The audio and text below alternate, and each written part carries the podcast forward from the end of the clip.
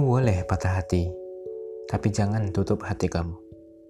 Kamu boleh merasa gagal, tapi jangan sampai kamu menyerah.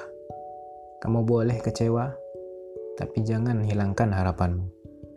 Kamu boleh benci kepada apa pun, tapi jangan tunjukkan kebencianmu dengan bertindak kasar. Kamu tidak bisa mengendalikan keadaan yang akan datang kepadamu, tapi kamu bisa mengendalikan reaksi yang akan kamu tunjukkan.